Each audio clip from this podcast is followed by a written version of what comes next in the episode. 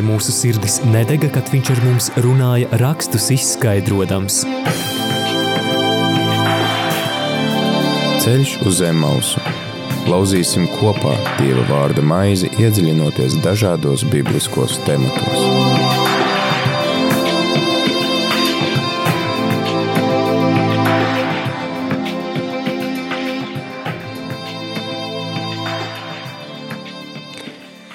Rādījumā arī Latvija klausītāji ir 2.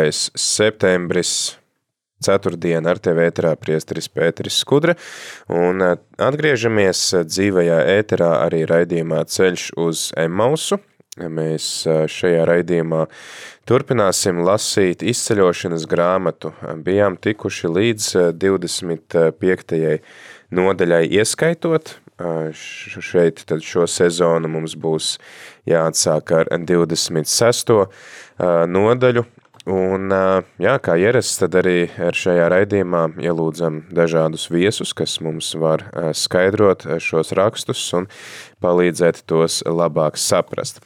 Šodien, uzsākot jauno sezonu, piedāvāju pārunāt izceļošanas grāmatu vispār kā tādu, atcerēties, ko mēs esam lasījuši, kas tā ir par grāmatu, par ko tā ir, kāda ir tās nozīme vecās derības laikmetā, kāda ir tās nozīme mūsdienās, arī kristietības kontekstā, un tāpēc šodien esmu aicinājis uz sarunu Rarzī un arī Latvijas universitātes pasniedzēju Jāni Priedi. Labdien! Labdien! Priecājos būt jūsu vidū. Jā, jā, prieks atkal jūs šeit dzirdēt. Šoreiz gan klausītāji šis ieraksts, šī saruna ir ierakstā. Mēs parasti cenšamies to darīt tiešraidē, šoreiz, šoreiz nevaram būt tiešraidē, tāpēc tad ir ieraksts turpmākos raidījumus, protams, cik varēsim, centīsimies vadīt tiešsaistē, lai arī tu vari iesaistīties, uzdot jautājumus, dalīties ar savām pārdomām, kas tevi uzrunā un Tāds pirmais jautājums ir varbūt vispār par grāmatu. Mēs sakam izceļošanas grāmata. Ja mēs vērsim vaļā svētos rakstus, tad lielākoties Latvijas bībeles biedrības izdotajos izdevumos būs rakstīts otrā mūzus grāmata. Tad kā tur pareizi ir? Tas ir tāds mazliet detalizēts jautājums, kur jāskatās uz visu tradīciju, uh, kā tā grāmata īsti saucās. No ebrejiem viņa saucās Ve'elle Shemot. Šie un šie vārdi. Jā, lūk, šie vārdi. Proti, nekāda sakara ar izceļošanu. Nu, tad, kad pirms Kristus, kādus divus gadsimtus pirms Kristus paši ebreji to iztulkoja grieķiski, tad grāmata tika nosaukt par izceļošanu, Exodus. Mm -hmm. Eksodus. Un tā arī to uh, tulkoja Svētais Hieronyms, ka to tulkoja latīņu valodā jau pēc Kristus, mm, ka tā ir izceļošanas grāmata. Tā tradīcija dēvēt uh, šīs grāmatas par pirmo, otro, trešo mūzu un tā tālāk. Es teiktu, ka tā ir drīzāk tāda skaista vāciešu tradīcija, kur visas, visas lietas ļoti rūpīgi skaisti sanumurē ar cipariņiem. Uh, un tā, no šīs tradīcijas jau pasaulē īstenībā visi ir atteikušies, lielākā daļa. No vienas puses viņa var tikt paturēta tā ziņā, ka pirmās piecas grāmatas ir cieši saistītas ar mūzu, nu tik tiešām, jā, bet šie kādreiz tādi bija tīstokļi, varētu teikt, uz kuriem tika rakstītas šīs grāmatas, šie tīstokļi, nu jā, tie jau netika šādi numurēti, bet uh, Bet, ja tāda tradīcija ir, tad kādu laiku vēl to varam paturēt.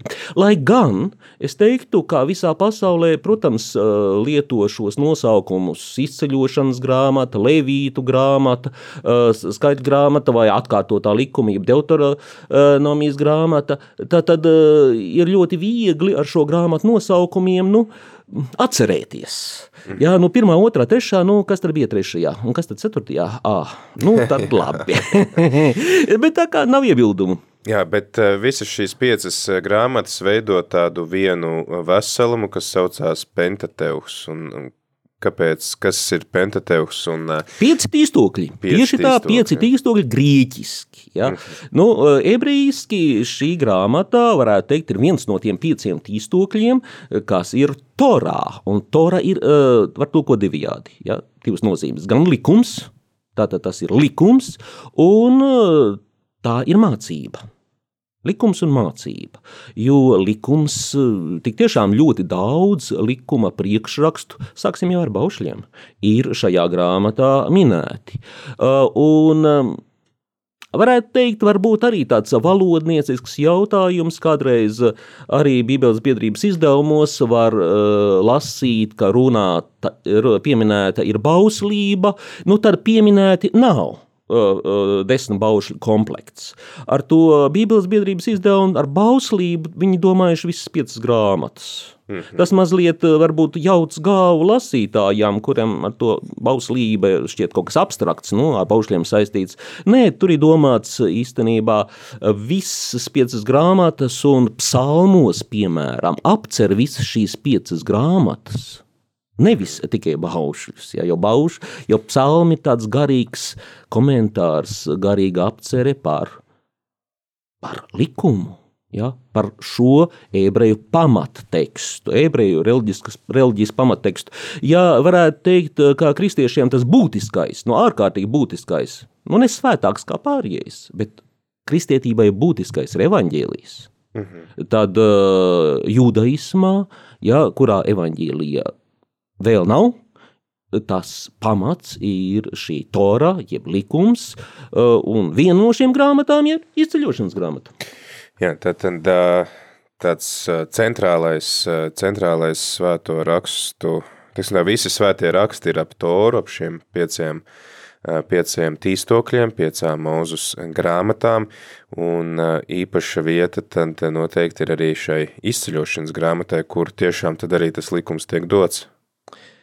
Jā, šī grāmata ir ārkārtīgi būtiska, jo tajā pamatojās gan lieldienu tradīcija, kas ir kristiešiem, paskas svinības, joprojām ebrejiem, kur nu, abos gadījumos taču pieminam šo izceļošanu, šo pāriešanu no vienas puses. No otras puses, šie, šajā grāmatā atklājās arī ceļš līdz Sinaja kalnām, baušļi, šis likums, kas tiek dots tajā brīdī, un varētu teikt, grāmatas kulminācija ir telts, sajiešanas telts. Tauta, kas ir izceļojusi no ļaudis, kas ir izceļojuši no e, Ēģiptes verdzības, ir kļuvuši par tautu un saņem likumu, kas viņus vieno. Tas arī ir ārkārtīgi būtisks moments, ka tauta tas nav vienkārši nu, cilvēku kopums, kas runā apmēram vienā valodā. Varbūt. Uh, tas ir cilvēku kopums, kuriem kā šeit redzam, ir viena ticība, viena derība, un nevis savā starpā, bet ar Dievu. Mm. Uh, tas, ir, tas ir viens tāds būtisks aspekts, ko mēs redzam no uh, šīs, jā, no šīs grāmatas. Taču šīs grāmatas varētu teikt, nu, zināmā mērā kulminācija vai beigas ir šī saiešanas telts. Nepietiek ar šo derību, ja ir arī nu, tajā laikā diezgan konkrēta vieta, tātad telts, kurā uh, ārējā veidā, liturģiskā veidā nu, tiek īstenota priesteru, augstā priestera mūzus tikšanās ar Dievu. Proti telts, kurai, kā mēs redzēsim vēlāk, ceram, šajā uh, raidījumā, ir ārkārtīgi būtiska nozīme un ne tikai uh, Toras tradīcijā vien.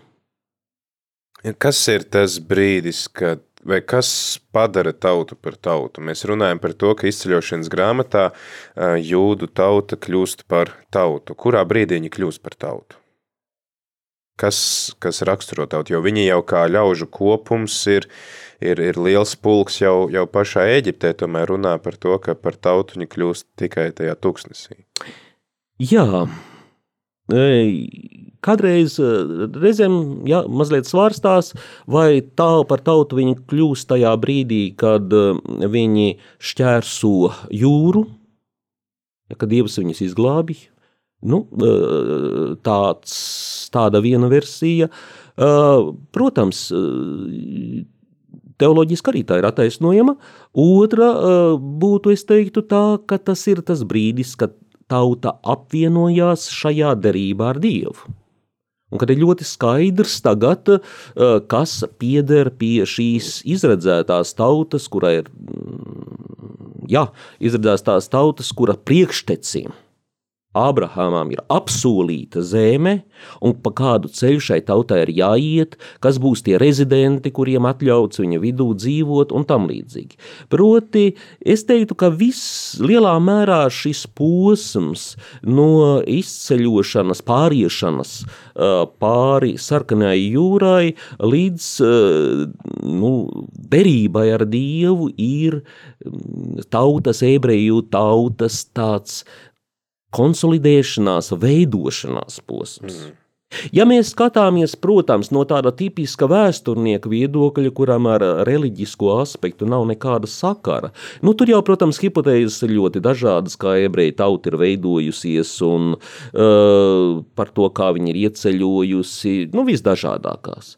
Bet šeit uh, šajā izceļošanas grāmatā mēs redzam ārkārtīgi teoloģiski dziļu ja, pamatojumu tam, kas ir tauta. Jo, ja mēs paskatāmies, ja mēs paskatāmies varbūt pat vēsturē, uh, kuras tautas tā īsti pārvar gadu tūkstošus, nu, tām, kurām ir dziļa saikne ar patieso Dievu. Tad ebreju tauta pastāv joprojām, tā kā mēs esam pamanījuši. Pirmā tauta, uh, kas pieņēma kristietību kā valsts reliģiju, Armēnija. Mm, tauta pastāv, viņi ir izkliedēti pa pasauli, bet pastāv. Tātad dziļi kristīgās tautas, it īpaši tās, kuras nu, iztulkoja, kurām ir arī svētie raksti savā valodā, tās ir iesakņojās savā tautas apziņā, tās izveidojas par tautu, un par laimi arī latviešiem tā ir veicies. Bet Jā, tātad kas ir tauta? Tauta nav tikai teritorija, valoda, bet tauta ir arī šī kopējā apziņa. Un kas tad veido kopēju apziņu? Nu, ne jau ārkārtīgs individuālisms.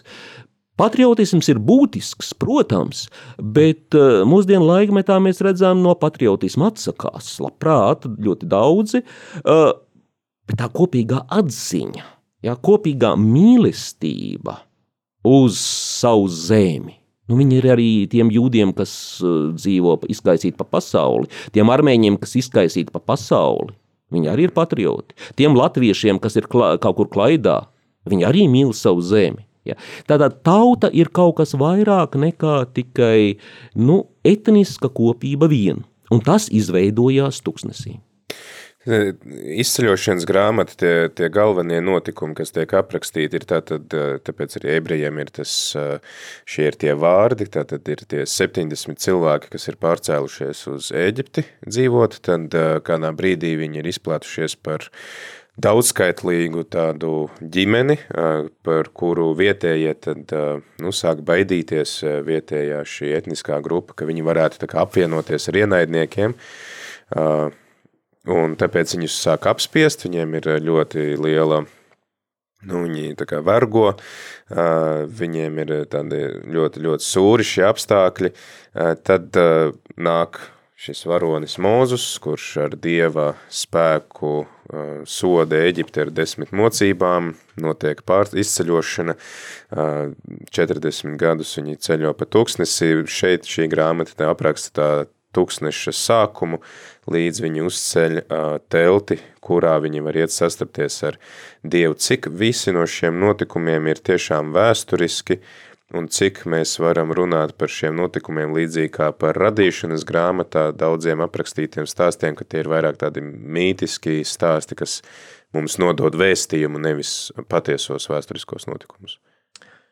Ja pirmās, teiksim, 11 nodaļas uh, radīšanas grāmatā ir ļoti teoloģisks stāstījums par notikumiem, kurus nu, neviens vēsturnieks nevar fiksēt, tad šī grāmata jau ir stāsts, varētu teikt, par to, kā dzimtas vēsture, un dzimtas vēsture ir kaut kas reāls.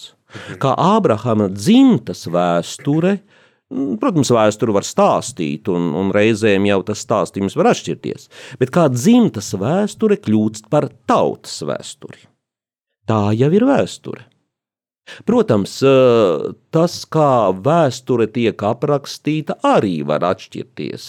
Nu, kā neredzīgais Indriķis apraksta latviešu vai teiksim šos notikumus uh, Latvijas teritorijā, uh, tas ir viens vēsturnieka pieraksta veids, viņš dzīvo jau tajā laikā, tā kā vēsturnieks apraksta kādus notikumus pirms pārsimts gadiem, tas ir cits veids, uh, viņš nav dzīvojis šajā laikā, viņš vienkārši savāc materiālus, ko viņam kādi ir stāstījuši.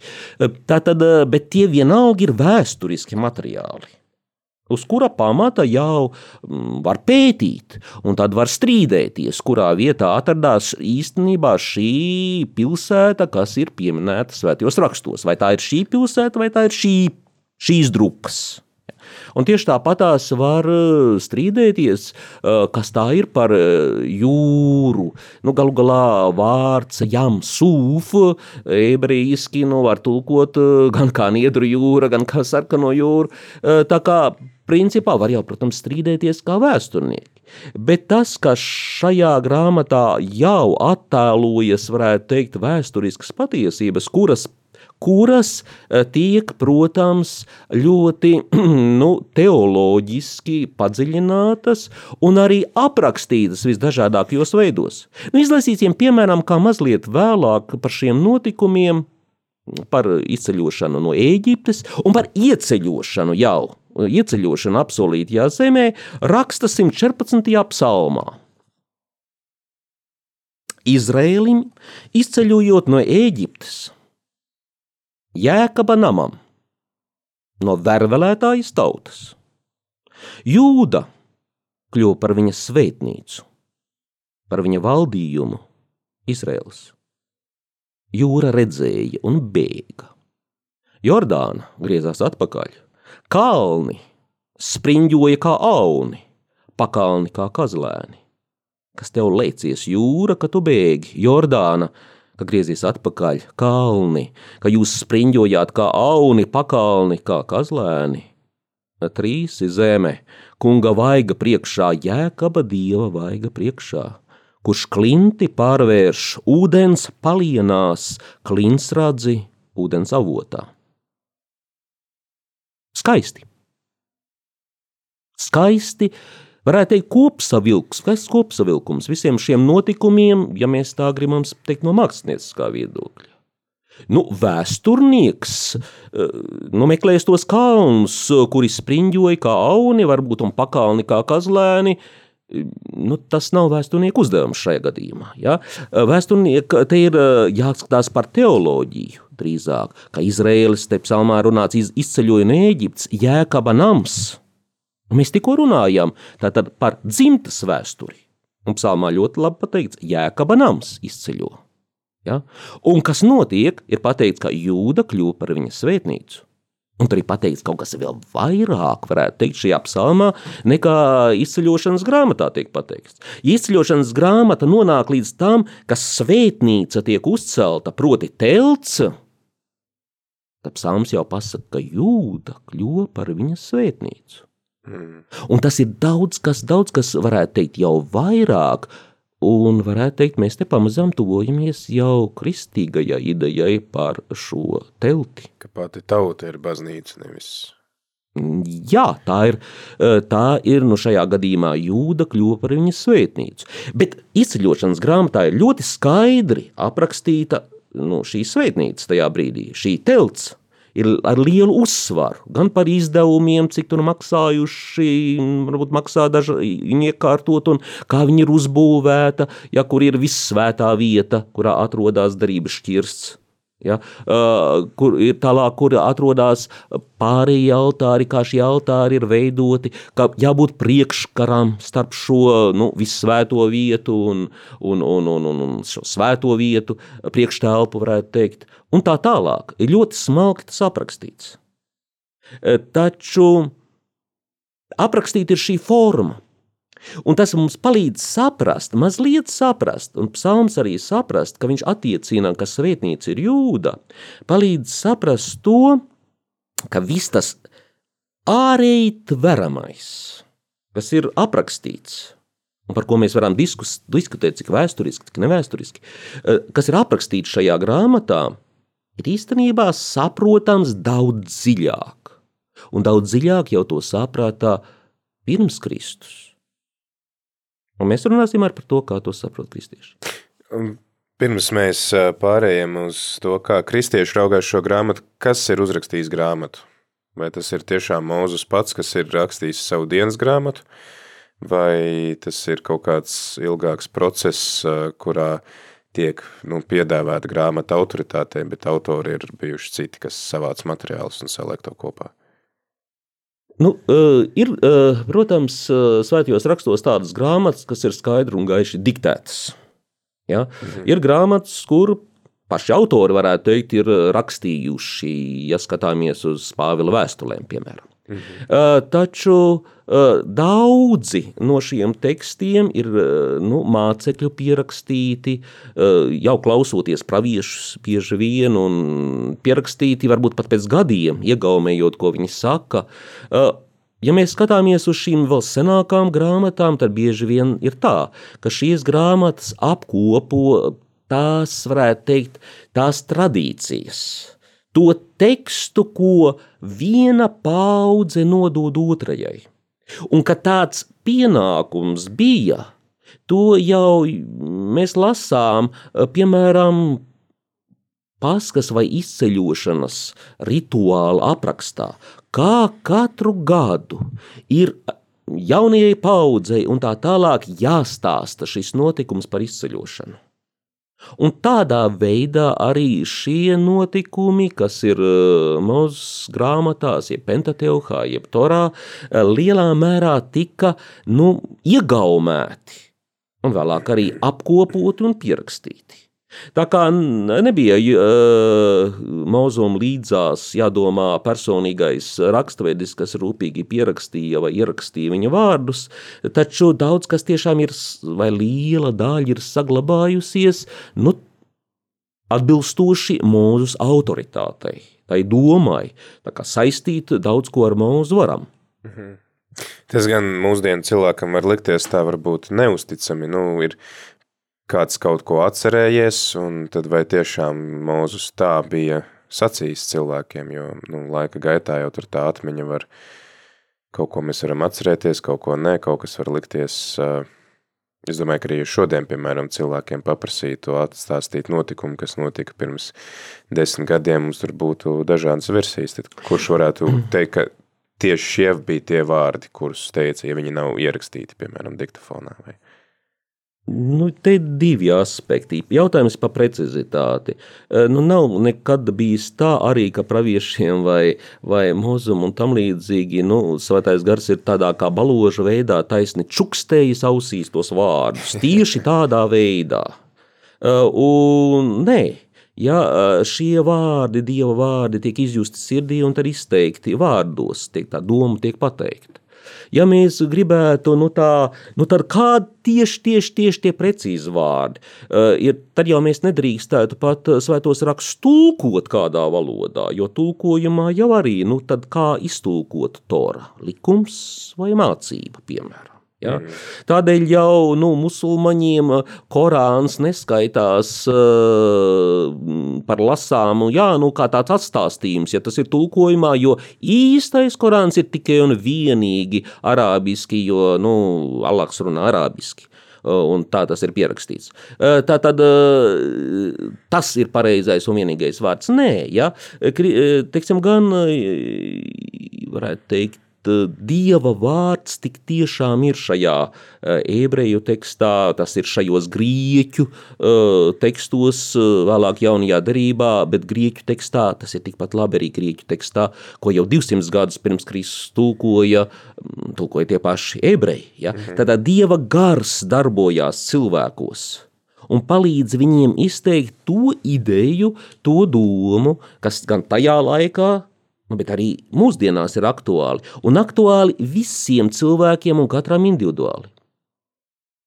Tādēļ eh, es teiktu, eh, tik tā, tik tas viss, kas attiecās uz reliģisko to ietvaru, nu, tas, ir, jā, tas ir tikai jāsaprot pareizi. Ja? Mhm. Tas, kas attiecās uz absolūti vēsturisko faktuālo materiālu, nu, kurā pilsētiņa tā bija, vai, vai kurai jūrai gāja pāri, tāpēc jau ir teologi un vēsturnieki, lai diskutētu par to un mēģinātu, varētu teikt, rekonstruēt, nu tā tīri vēsturnieciski, gandrīz vai bez dieva klātbūtnes.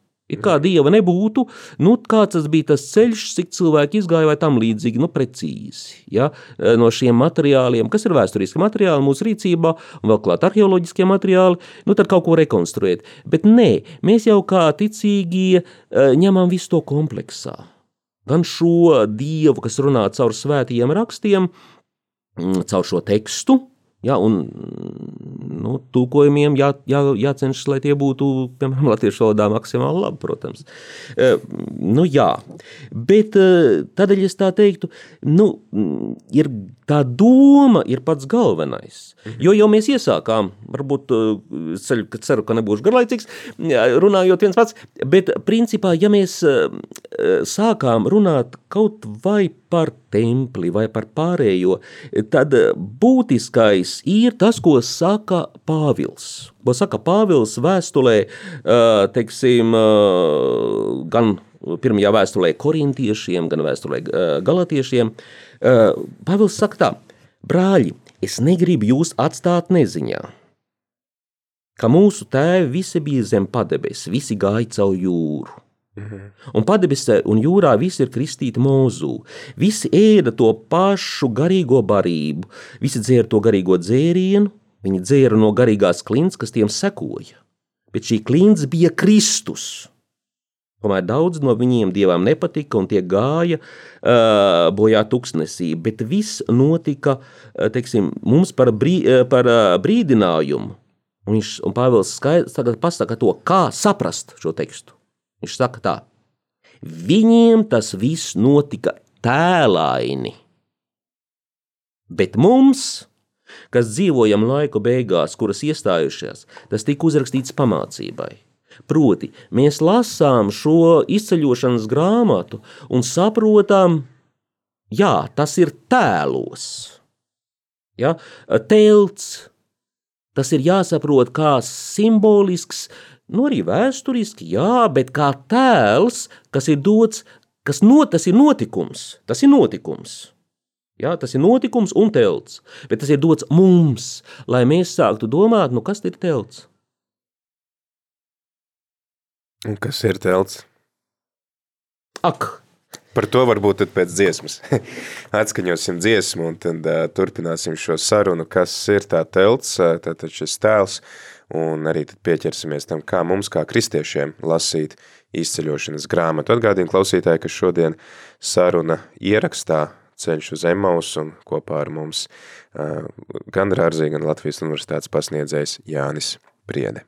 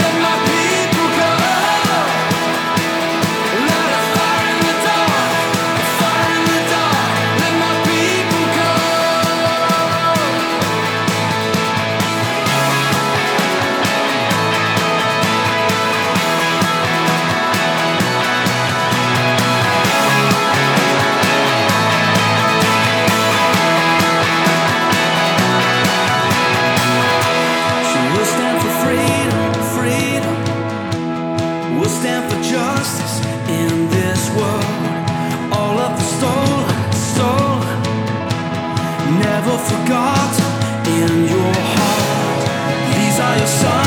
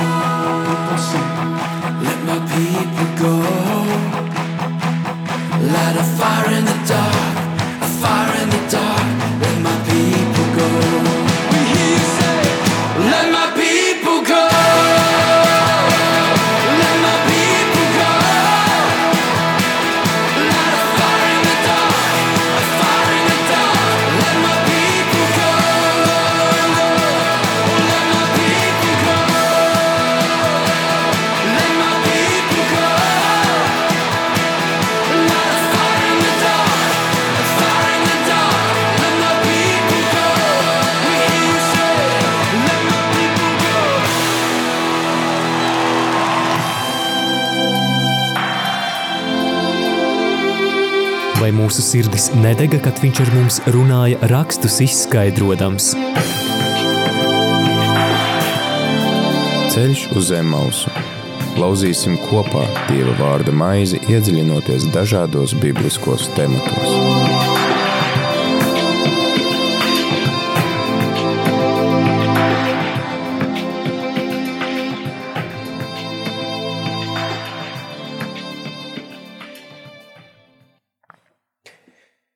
Radījumā arī Latvijas klausītāji turpinām sarunu raidījumā Ceļš uz Zemausu ar eh, profesoru Jāni Priedi par izceļošanas grāmatu, eh, kuru mēs tad šajā sezonā turpināsim lasīt, centīsimies tā secīgi iet cauri šiem notikumiem, esam tikuši līdz eh, 25. nodaļai. Eh, Mēs iepriekš pirms dziesmas tad runājām, ka šī grāmata mums ir kā tēls, kā simbols eh, kādam svarīgam vēstījumam, tad uh, pasniedzējs arī minēja, ka piemērs var būt telts, un tad, jā, kas ir šī telts un ko tā mums simbolizē?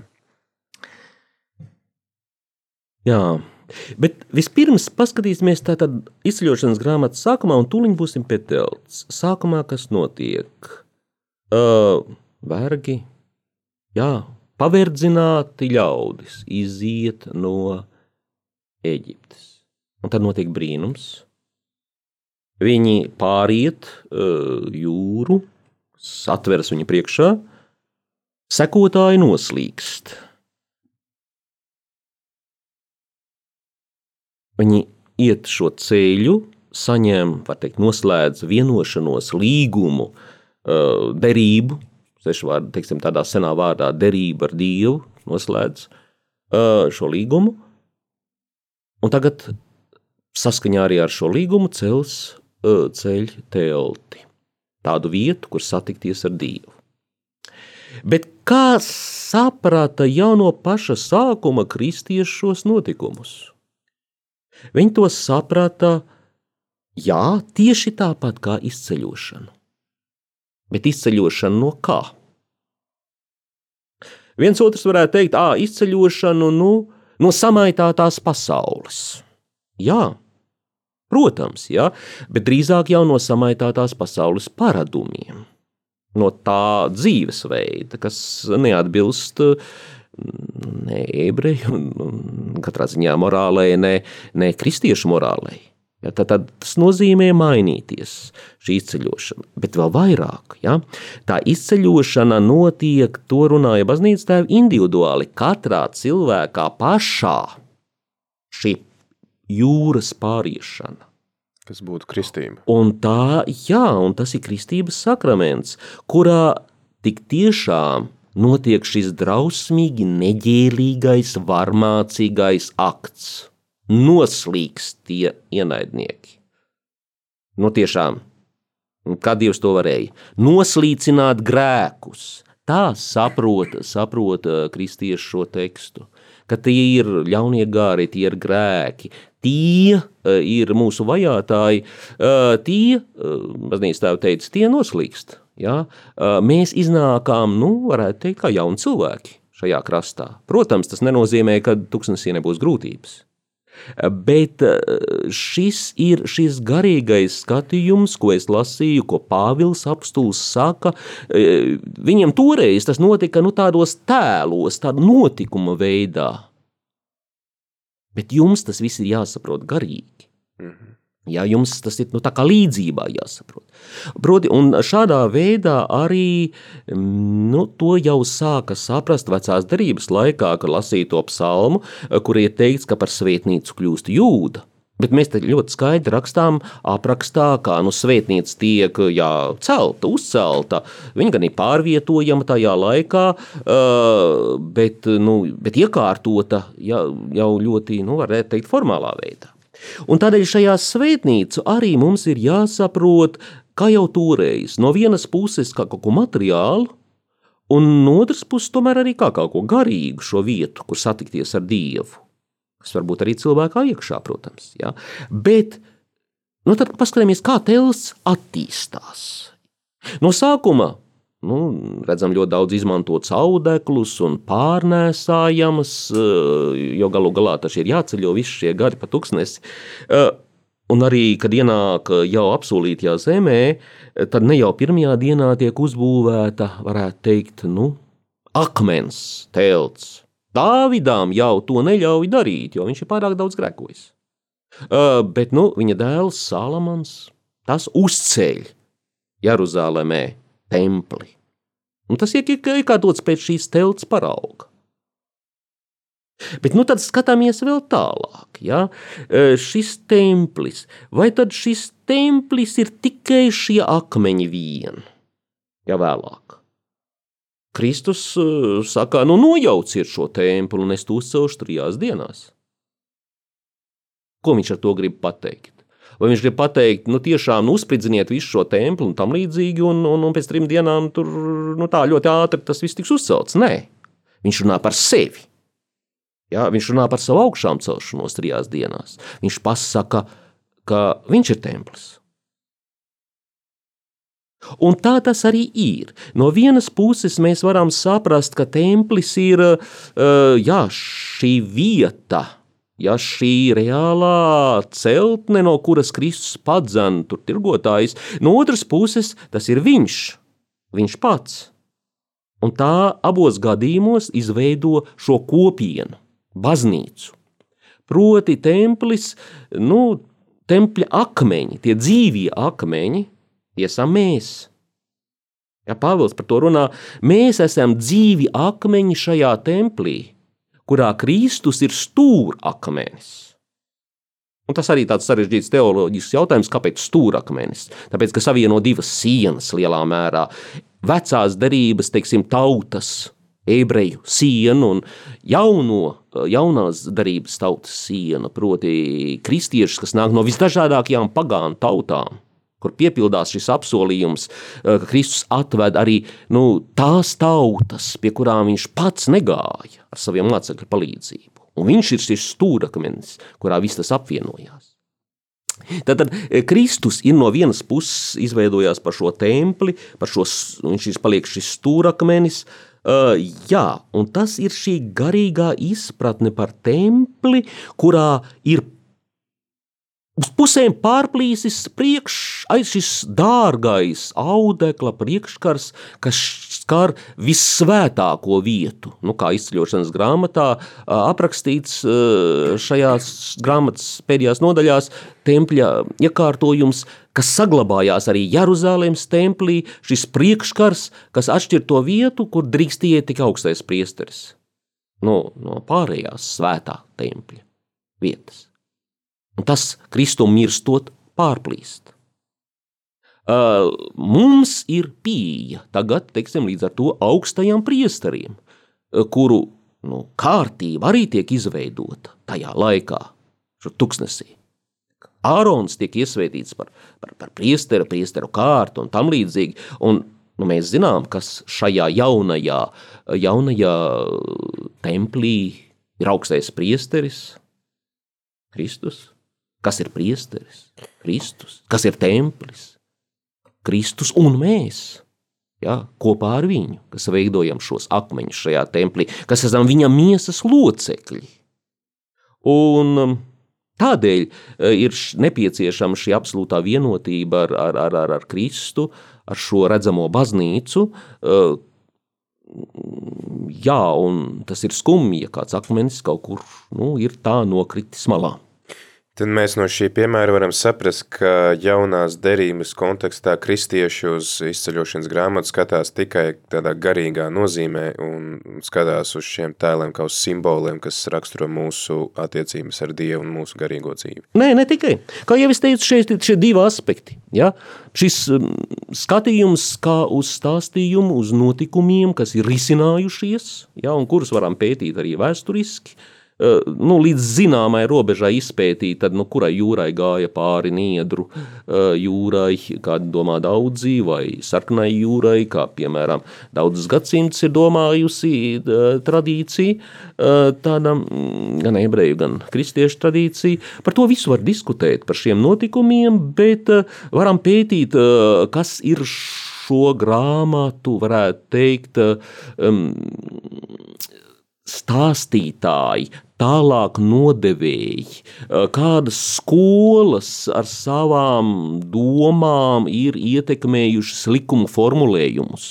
Tos formulējumus, ja, kādus mēs lasām, uh, lasām šajā teksim, derības kodeksā, kāpēc tieši tā ir noformulēts šis likums un kā tas saskan ar tā laika ebreju, varētu teikt, dzīvi. Jo, jo nu, Tas bija vienlaikus likums, civīla likums, tas vienlaikus bija krimināla likums, tas vienlaikus bija līgums ar Dievu. Ja, tādā nu, nebija šī dalība, starp, sadalījums starp laicīgo un, un, un, un, un, un um, to, kas varētu teikt, ir reliģisks. Tas viss bija nu, iekļauts šajā derībā, un mēs to varam pētīt. Kas ir šis teksts, kā dzīvoja tauta, kā viņa pildīja vai kā viņa nepildīja? Kāpēc, piemēram, teļš? Kāpēc, ir, kāpēc, kāpēc nu, ja Mozus ir mazliet aizgājis projām un, un, un vairāk nav skaidrības tādas īstas par to dievu, nu, tad uztaisīsim vienu tādu smukteļu. Nu, nu, no zelta vai tam līdzīgi. Mums būs tāds pats dievs, kā tur eģiptiešiem un citiem apkārtnē ir, kas atgādina nu, tādu kā vērsi vai tam līdzīgi. Tātad mēs redzam, ka tauta kļūdās. Un īstenībā pārkāpja šo noslēgto vienošanos ar Dievu. Bija skaidri un gaiši pateikts tā nedarīt. Un mēs redzēsim, kā aug tauta, izaug tauta. Līdz ar to Mēs skatāmies gan uz tautas izaugsmi, ja, uz to nu, stūrgalvību, varētu teikt, ar ko cilvēki ir izcēlušies visos laikmetos. Uh, nav jādzīvo tajos laikos, lai būtu tāds absolūts stūrgalvīgs, kas saka, nu, es darīšu tā. Ja, uh, ar, ar, ar, ar dažādām dievu vai elku pielūgsmēm modernie cilvēki aizraujās nu, pavisam nemazāk kā toreiz. Bet uh, Jā, es teiktu, ka tas būtiskais Kādēļ radio Marija? Nu, no vienas puses, protams, lai stāstītu arī par vēsturiskām lietām, par šo kultūru telpu, kurā izveidojās, veidojās, tapa, nāca Dieva vārds. Bet no otras puses, ja, mums ir jāsaprot tas garīgais. Proti, kad Jāņa Evangelijā, kad ir teikts ka par to, ka um, Kristus nāca un dzīvoja mūsu vidū, ņēma mājokli mūsu vidū, ka tas kinesata, proti, ja tulkojam burtiski šo vārdu, tad varētu teikt, viņš cēla telti. Jā, viņš izveidoja telti, viņš, nu, jā, izveidoja telti mūsu vidū, proti, šo telti, šo templi. Viņš izveidoja šo vir, mūsu vidū, un tas Jāņa evaņģēlīja pirmajā nodaļā pateikts. Tas ir tie vārdi, vārds tapa mies un dzīvoja starp mums. Jā, viņš... Šajos vārdos sasaistās tad arī tas Viņš sasaistās ar templi, jā. Mm. Nu, ko latviski, nu, Mēs ietempļojās, nu nevar tā teikt, jā. Uh, viņš kļuva par templi, un arī kristietis pats taču ir kļūst par templi, ja paskatāmies individuāli, jā. Mēs esam templis, mēs esam kļūstam par svētā gara templi.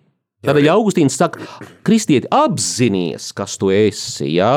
Proti, kristieti, viņš saka, topi par to, kas tu esi. Mm. Arī tā, ka mēs pieņemam svēto komuniju, tad arī mēs ļoti konkrētā veidā Jā. Dievs iemājo mūsos.